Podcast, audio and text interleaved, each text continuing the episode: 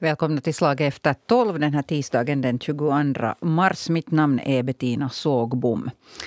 Ja, hur ska vi, vi eller ni småsparare tänka i en kris? Hur påverkar kriget i Ukraina privatekonomin för folk och vem vinner sist och slutligen på krig?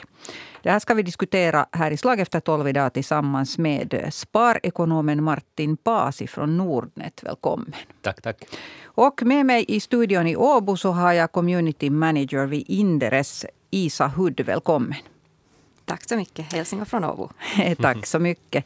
Det där, eh, jag tror att det är det är ganska många som säkert har fått ett liknande eh, meddelande från banken som jag och många som jag känner har fått. Att hej, att om du nu har några placeringar så, eh, eller du som har någonting placerat så eh, vi uppmanar till lugn och, och, och eftertanke och inte något förhastade nu åtgärder utan om du, om du har råd att vänta på dina pengar lite så, så sitt lugnt då i båten. Så här, sådana bud vet jag att många har fått via nätbanken. Och, och det funkar ju på två sätt. Det ena är att man lyssnar och säger att de säger att ta lugnt. Och det andra är att om de säger att jag ska ta det lugnt så då är det säkert jätteilla. Och panik, panik, vad ska jag göra?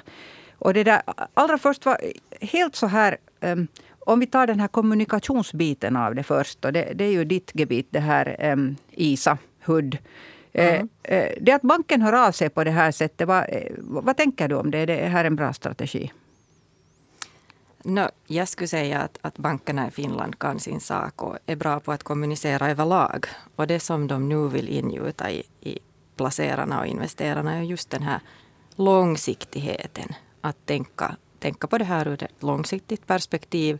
Och förstås, man ska alltid vara medveten om riskerna som finns i all investeringsverksamhet. Men att inte dra förhastade slutsatser trots att man möts av det, möts av det här fruktansvärda nyhetsflödet.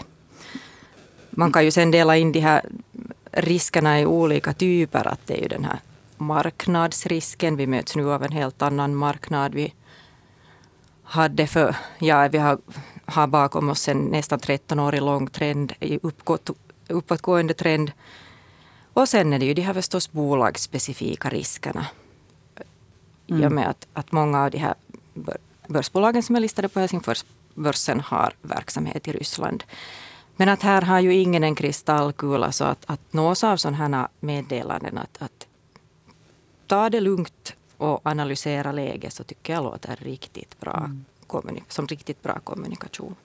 Ja, vad tänker du Martin Pasi om, om det här sättet att gå tillväga? No, det, det är ju alldeles riktigt att om du är en eh, långsiktig placerare eh, så eh, då är det ju exakt det rätta svaret, att hjälpa att liksom hålla huvudet kallt. Mm. Att alla sådana eh, räkneexempel på hur det lönar sig att spara på lång sikt i aktier eh, genom att minimera kostnaderna, eh, så de utgår ifrån att man inte går in och ut och, och då mm. vet man att den här, de här liksom räkneexemplen är, är liksom håller om du liksom bara kan sitta på dina fingrar så att säga. Och inte börja och, och liksom hossa med, mm. med och, och bli panikslagen eller någonting sånt här.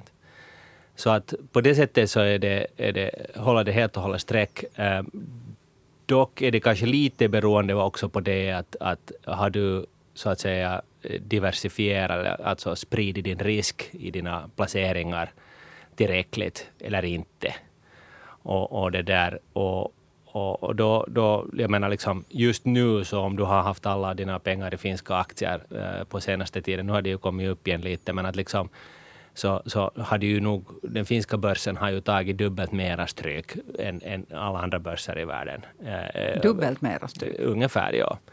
Och, och, det hänger ihop med landrisken eh, någonting som, som de flesta ekonomer, ekonomister inte ännu har börjat uttala sig om. Att, att det, det, senaste vi har hört nu att det är ingen, ingen, ingen fara för den finska ekonomin, att den här ryska export, fin, Finlands export till Ryssland är så liten så vi klarar det. Det blir en liten buckla på sin höjd.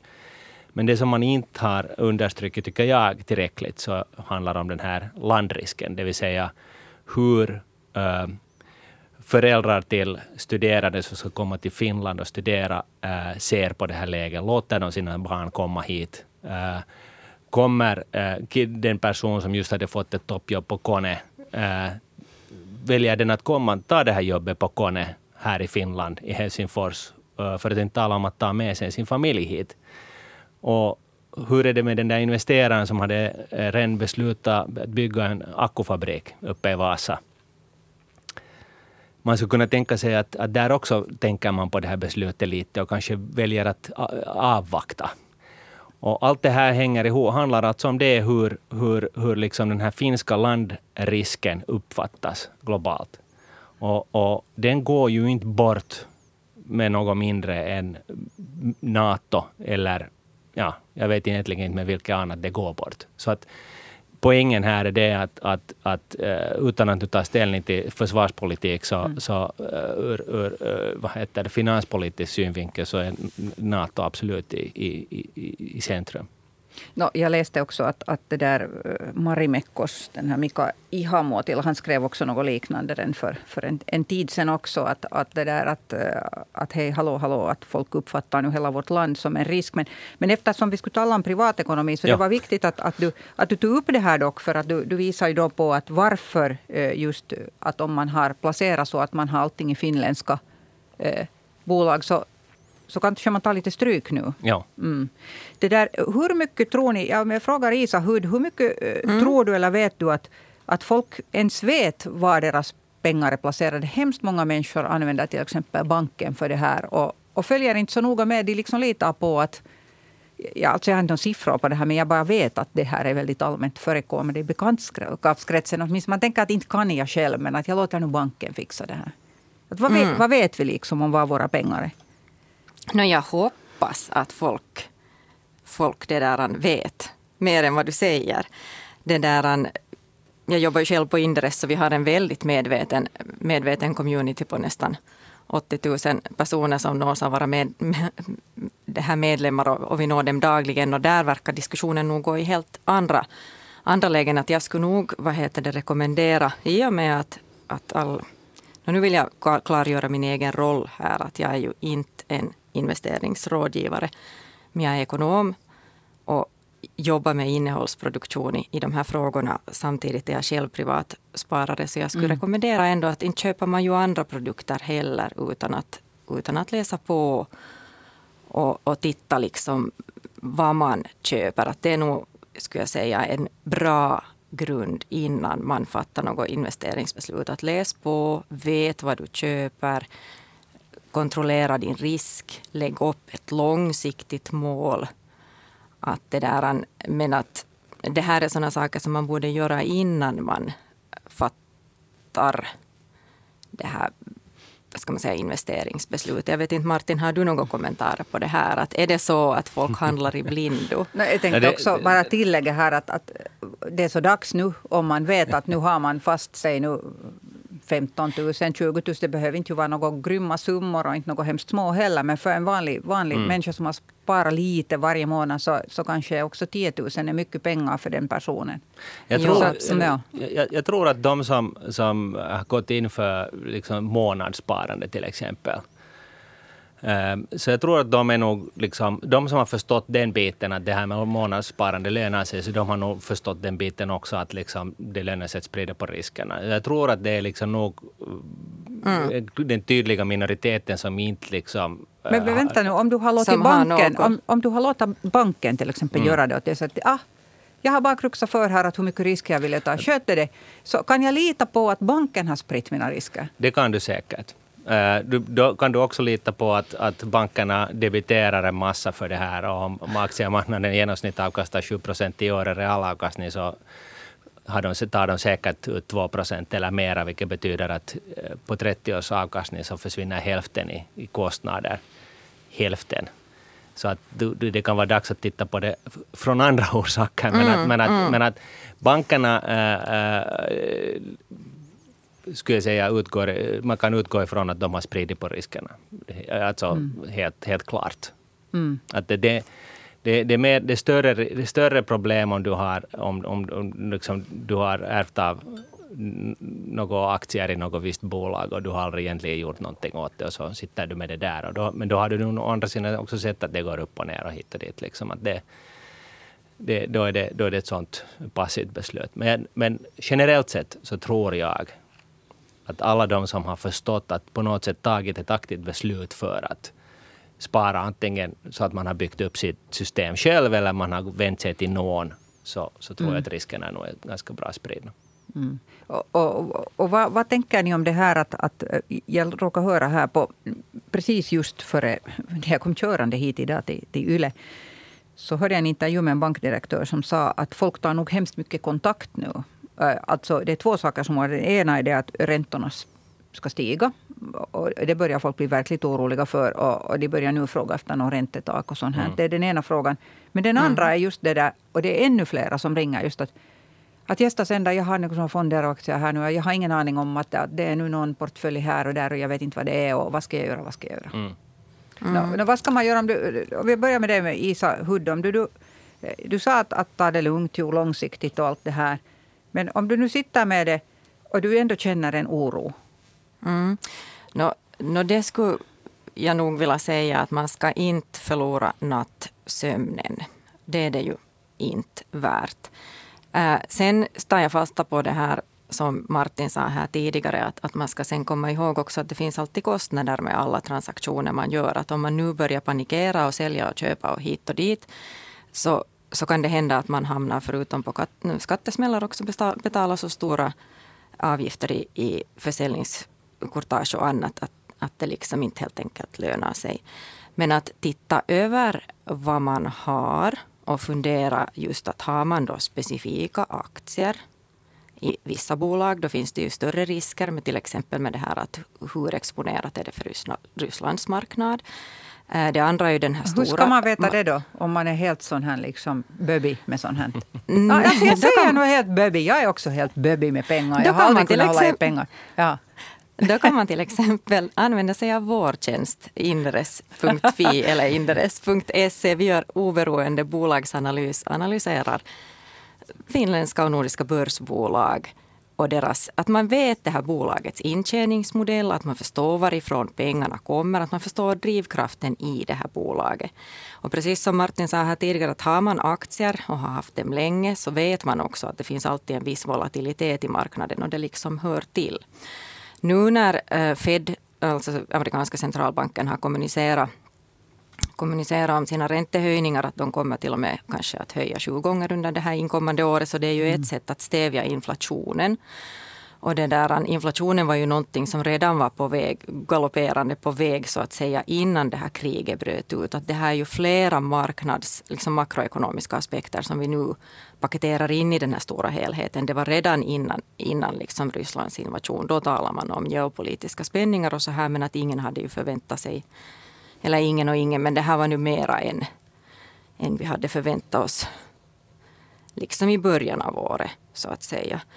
Men att oberoende jag skulle ändå vilja påpeka det där att ta det lugnt, andas, titta igenom vad man har, bedöm risken, läs på, sätt det i det här långsiktiga perspektivet. Att på kort sikt kan det hända vad som helst. Men att placera in det här, vad du har, i ett långsiktigt perspektiv. Mm. Jag, skulle, jag skulle hålla med om det där. Um, och, och, och dessutom så är det väl bra att också tänka på det att, att nu är så att säga bajsen i byxorna. Att, att liksom, nu har det här liksom, värsta nyheten redan kommit och vi har tagit stryk och, och, och, det brukar ofta vara så att, att, att liksom sen, i, sen kliver man lätt av när det är som lägst ner och så här. Mm. Eh, men sen samtidigt så, så, eh, tror jag att en var av oss ka, kanske liksom lite funderar trots allt på de där otäcka scenarierna och, och, och liksom tänka på de här alternativen. Att okej, okay, att vad nu sen då om, om det här liksom, um, krisen fortplantas någon annanstans från Ukraina. Så, så att man, man liksom lite tänker igenom det där, att vad har man för liksom modus operandi i det skedet. Eh, närmast därför att även om vi då kanske tycker, helt rätt, att sannolikheten är ganska liten att det nu liksom ehm, att Putin nu skulle börja härja här med oss, eh, så eh, är det, det, det att man förbereder sig, så det kostar ingenting. Det är en så liten nackdel.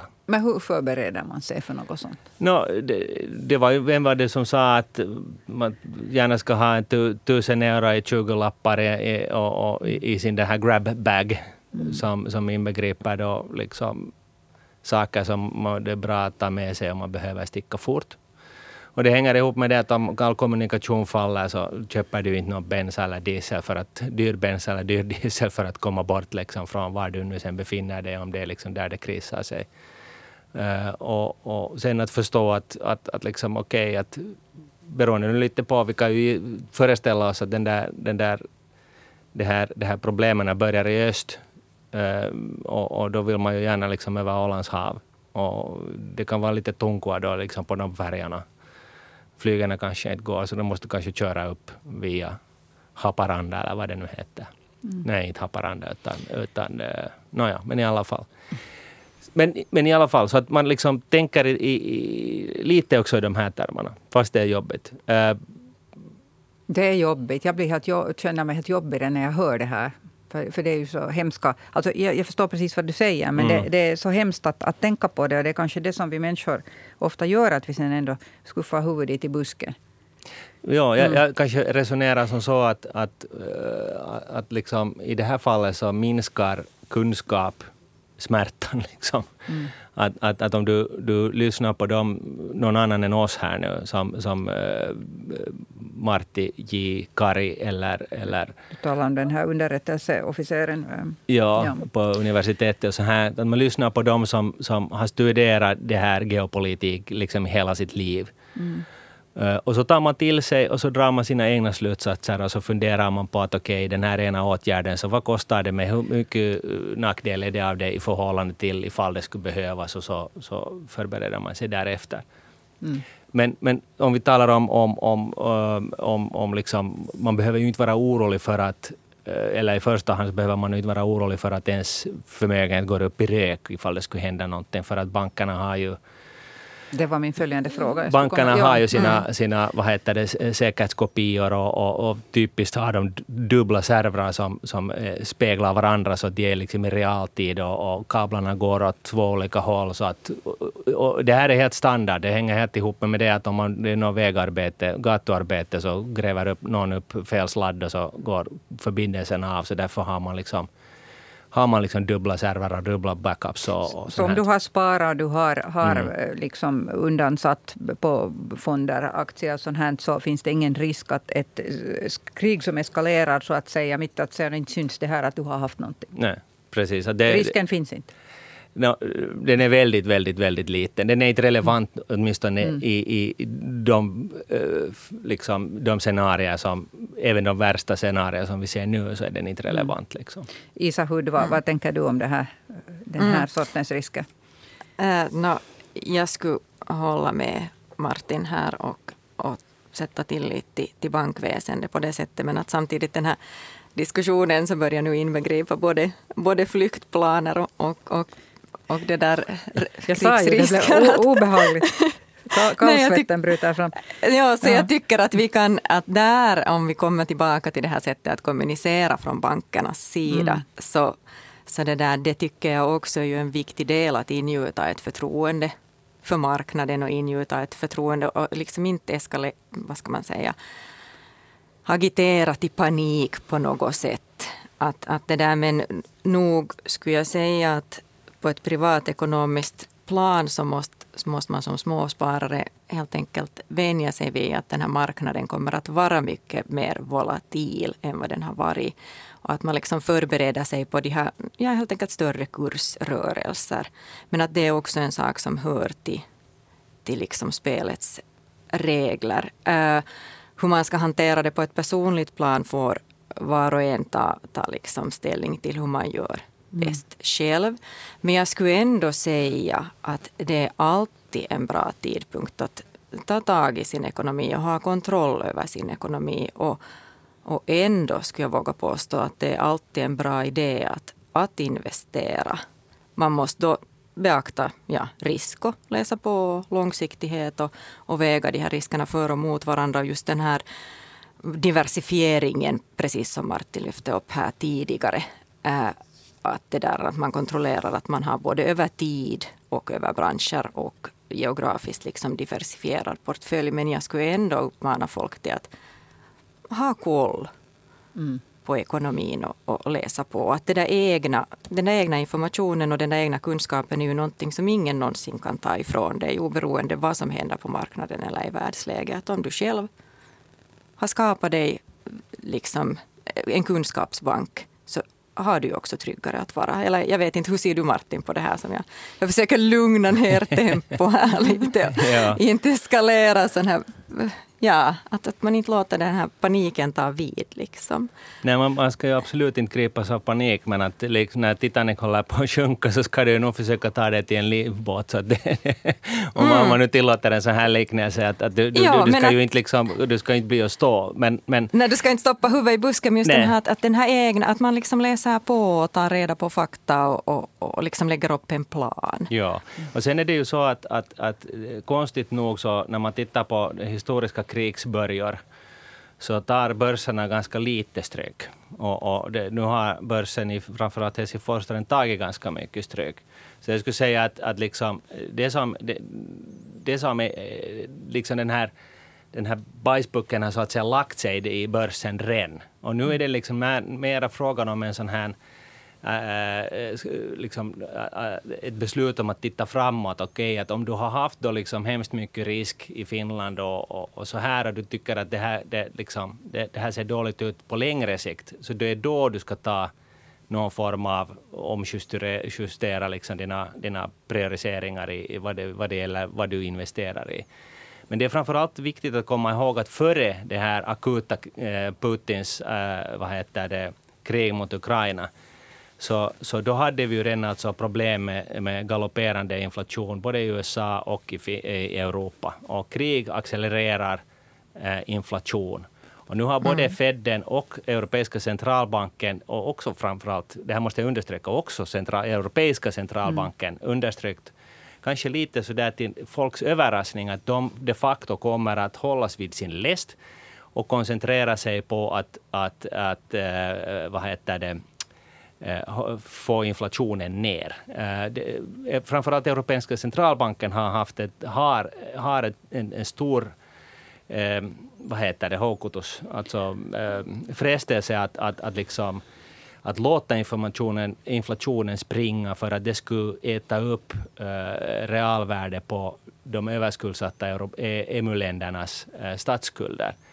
Men nu har de alltså signalerat att de tänker liksom bekämpa inflationen. De kommer att eh, lägga ner eh, de kvantitativa lättnaderna under det här året. Alltså det att de tar Kalle Anka-pengar från sin dator och köper upp alla eh, EMU-länders statspapper.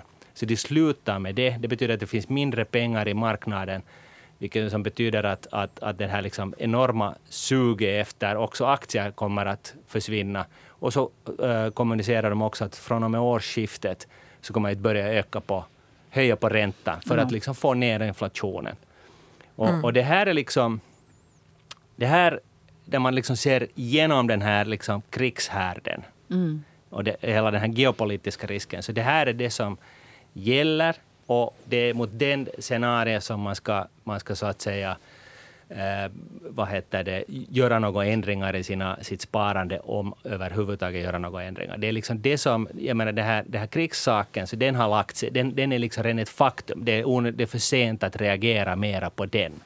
Så att det, det är liksom men, men tillika så sa du att vissa sådana här eh, händelser kan, kan ändå ganska snabbt ändra. Jag tyckte du sa något sånt tidigare.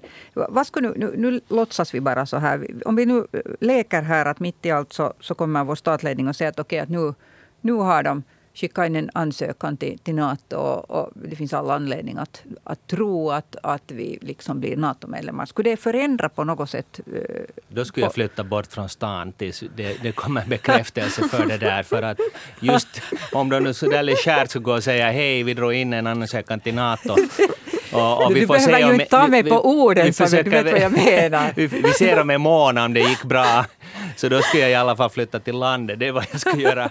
Men, men, men äh, säg så här att, att, att, att, man skulle komma och säga att hej, vi ansökte till NATO från och med för en minut sedan så är vi NATO-medlemmar med alla mm. garantier. Uh, så då är, det, då, är, då är liksom problemet över. Det betyder inte att... att, att hur vi... menar du? Vänta, hur är, vad är, vilket problem är över?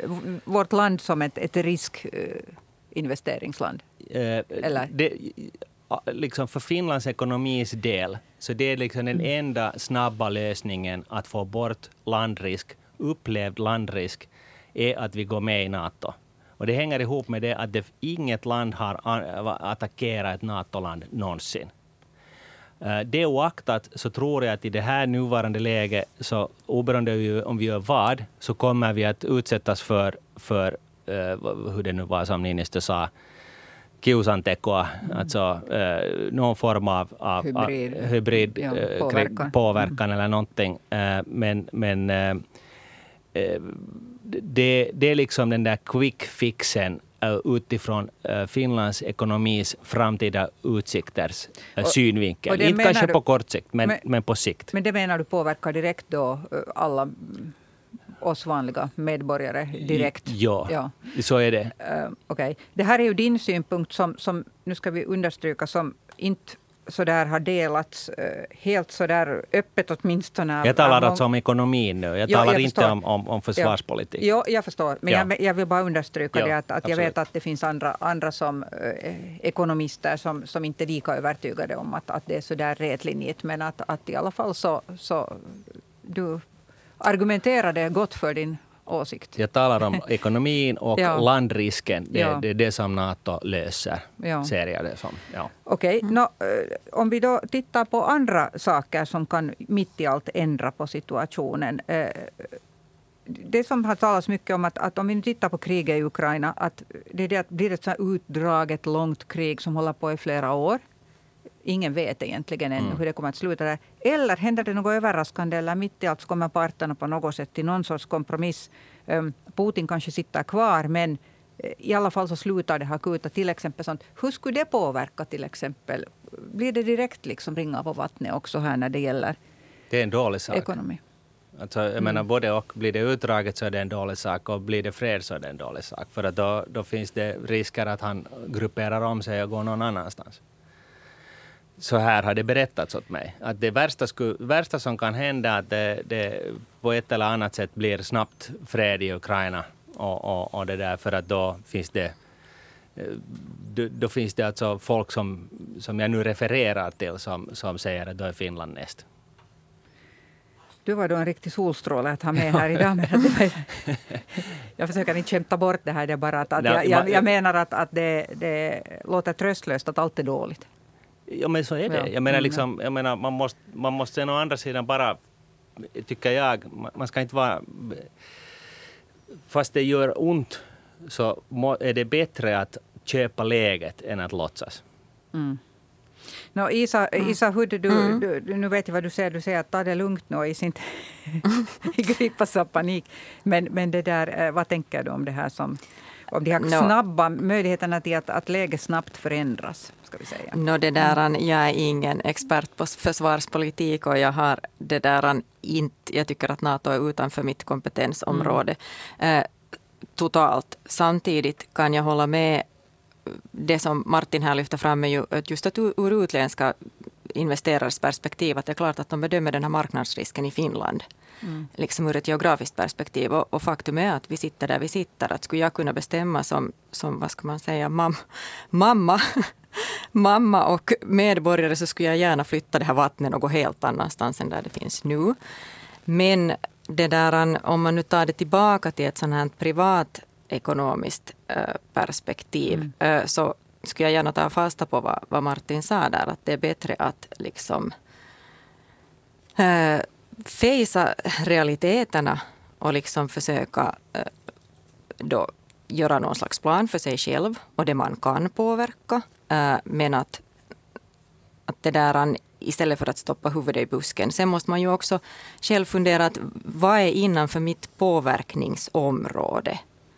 Att det där man kan ju inte rädda eh, hela världen eller ta panik för allt.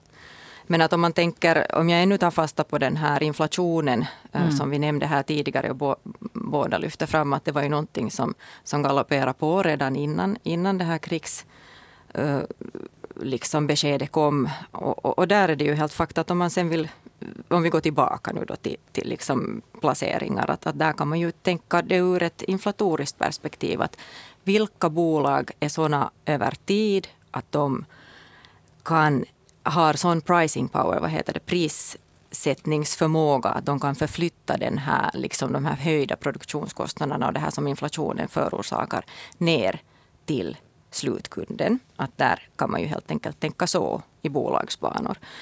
Eh, vad det gäller krigets vändningar så vågar jag inte ta ställning. Och ur ett börsperspektiv blir det ju så att om det blir långt och utdraget så kan det hända att det det är något som liksom börsen vänjer sig vid och man, liksom den här volatiliteten minskar för att man upplever det liksom som ett sånt här pågående scenario. Men att, ja, mera än det säger jag inte om att övergå min liksom, kompetens helt mm. enkelt. Men, men, ja, varsågod. Jag, jag, jag skulle säga som så att, att eh, man, eh, liksom, man ska titta på tiden före kriget bröt ut. Och då hade vi ganska mycket grejer och fenomen på gång redan då. Mm. Eh, för det första så, så eh, finansmarknaden så finns det bubbla av många magnituder. Det var före kriget. Mm. Uh, mm. Och inflationen har varit på accelererande, liksom på kommande på riktigt. Och man trodde mm. först att det var tillfälligt och så visade det sig att det var inte tillfälligt.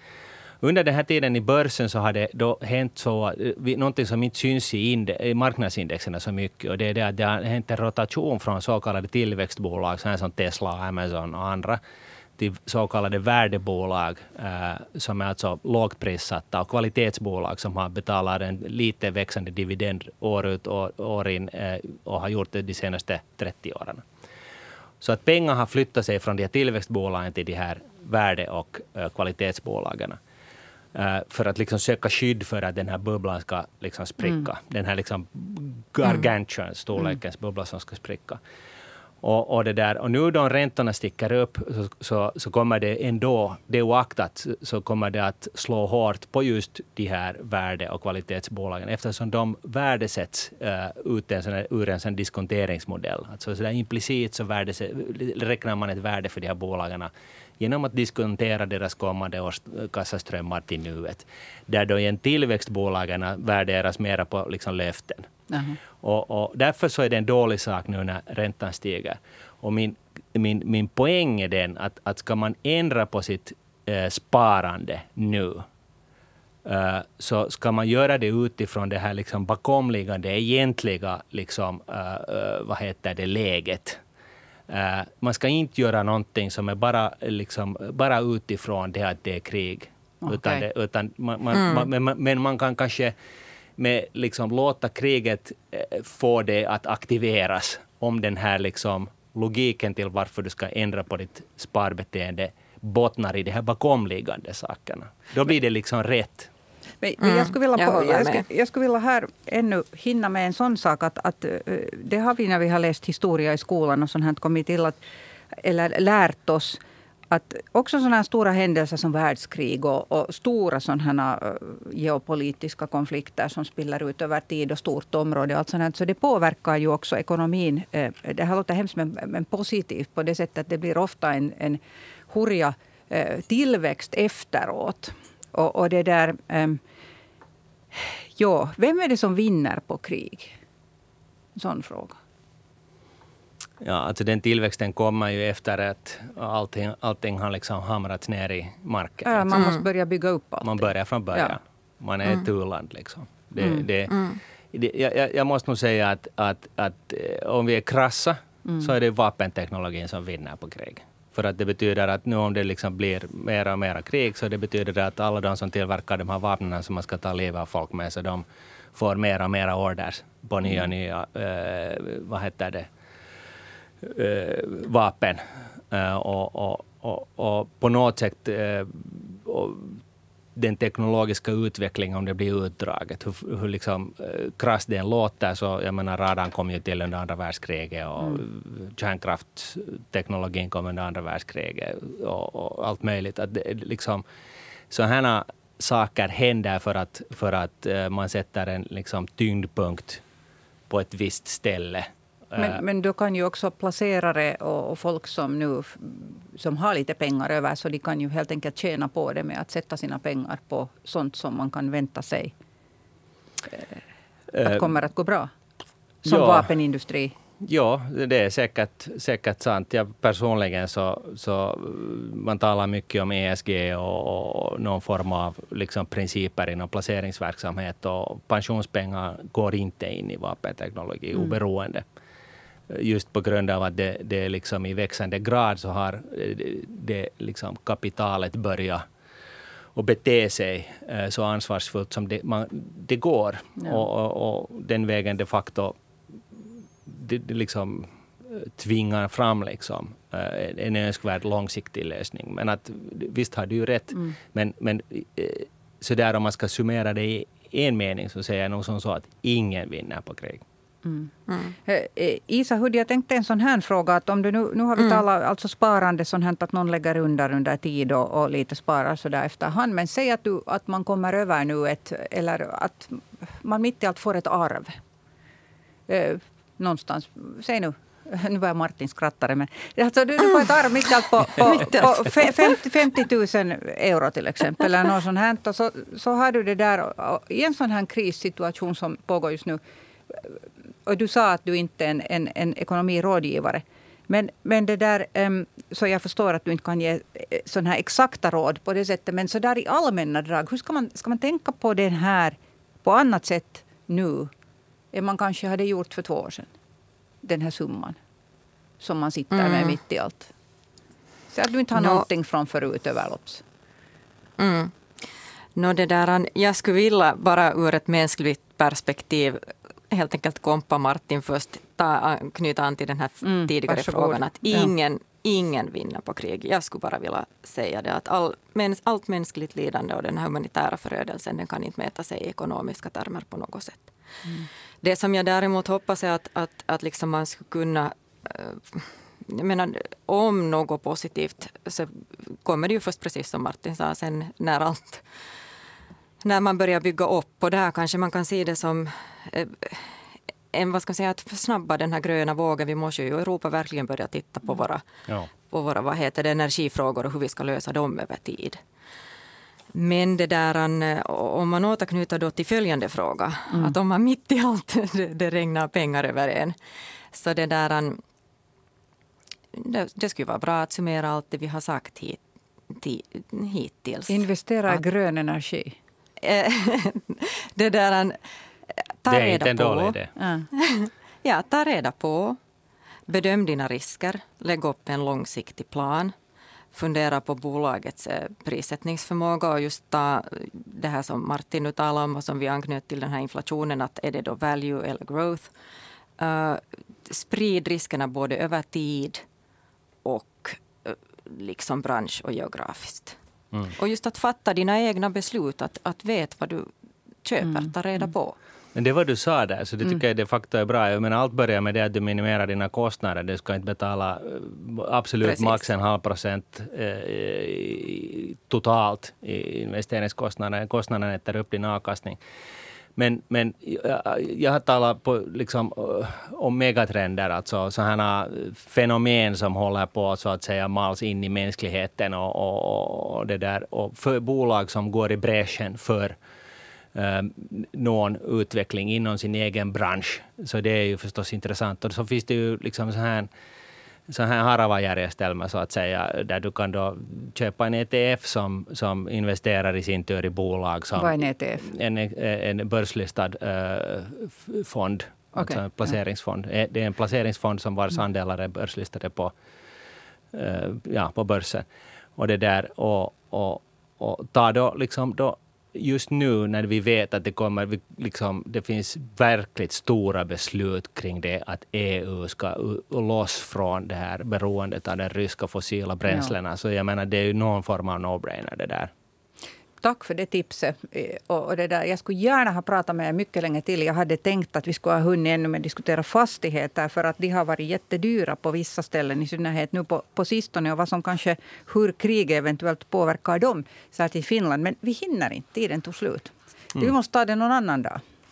Så det där, här tackar jag er båda två. Det där Isa Hudd från Inderes, eh, community manager där och Martin Pasi, sparekonom från eh, Nordnet eh, Eh, för att ni deltog här i Slag efter tolv idag. Imorgon blir det en ny diskussion, samma tid, samma kanal. Mitt namn är Bettina Sågbom. Jag önskar er en god fortsättning på den här dagen.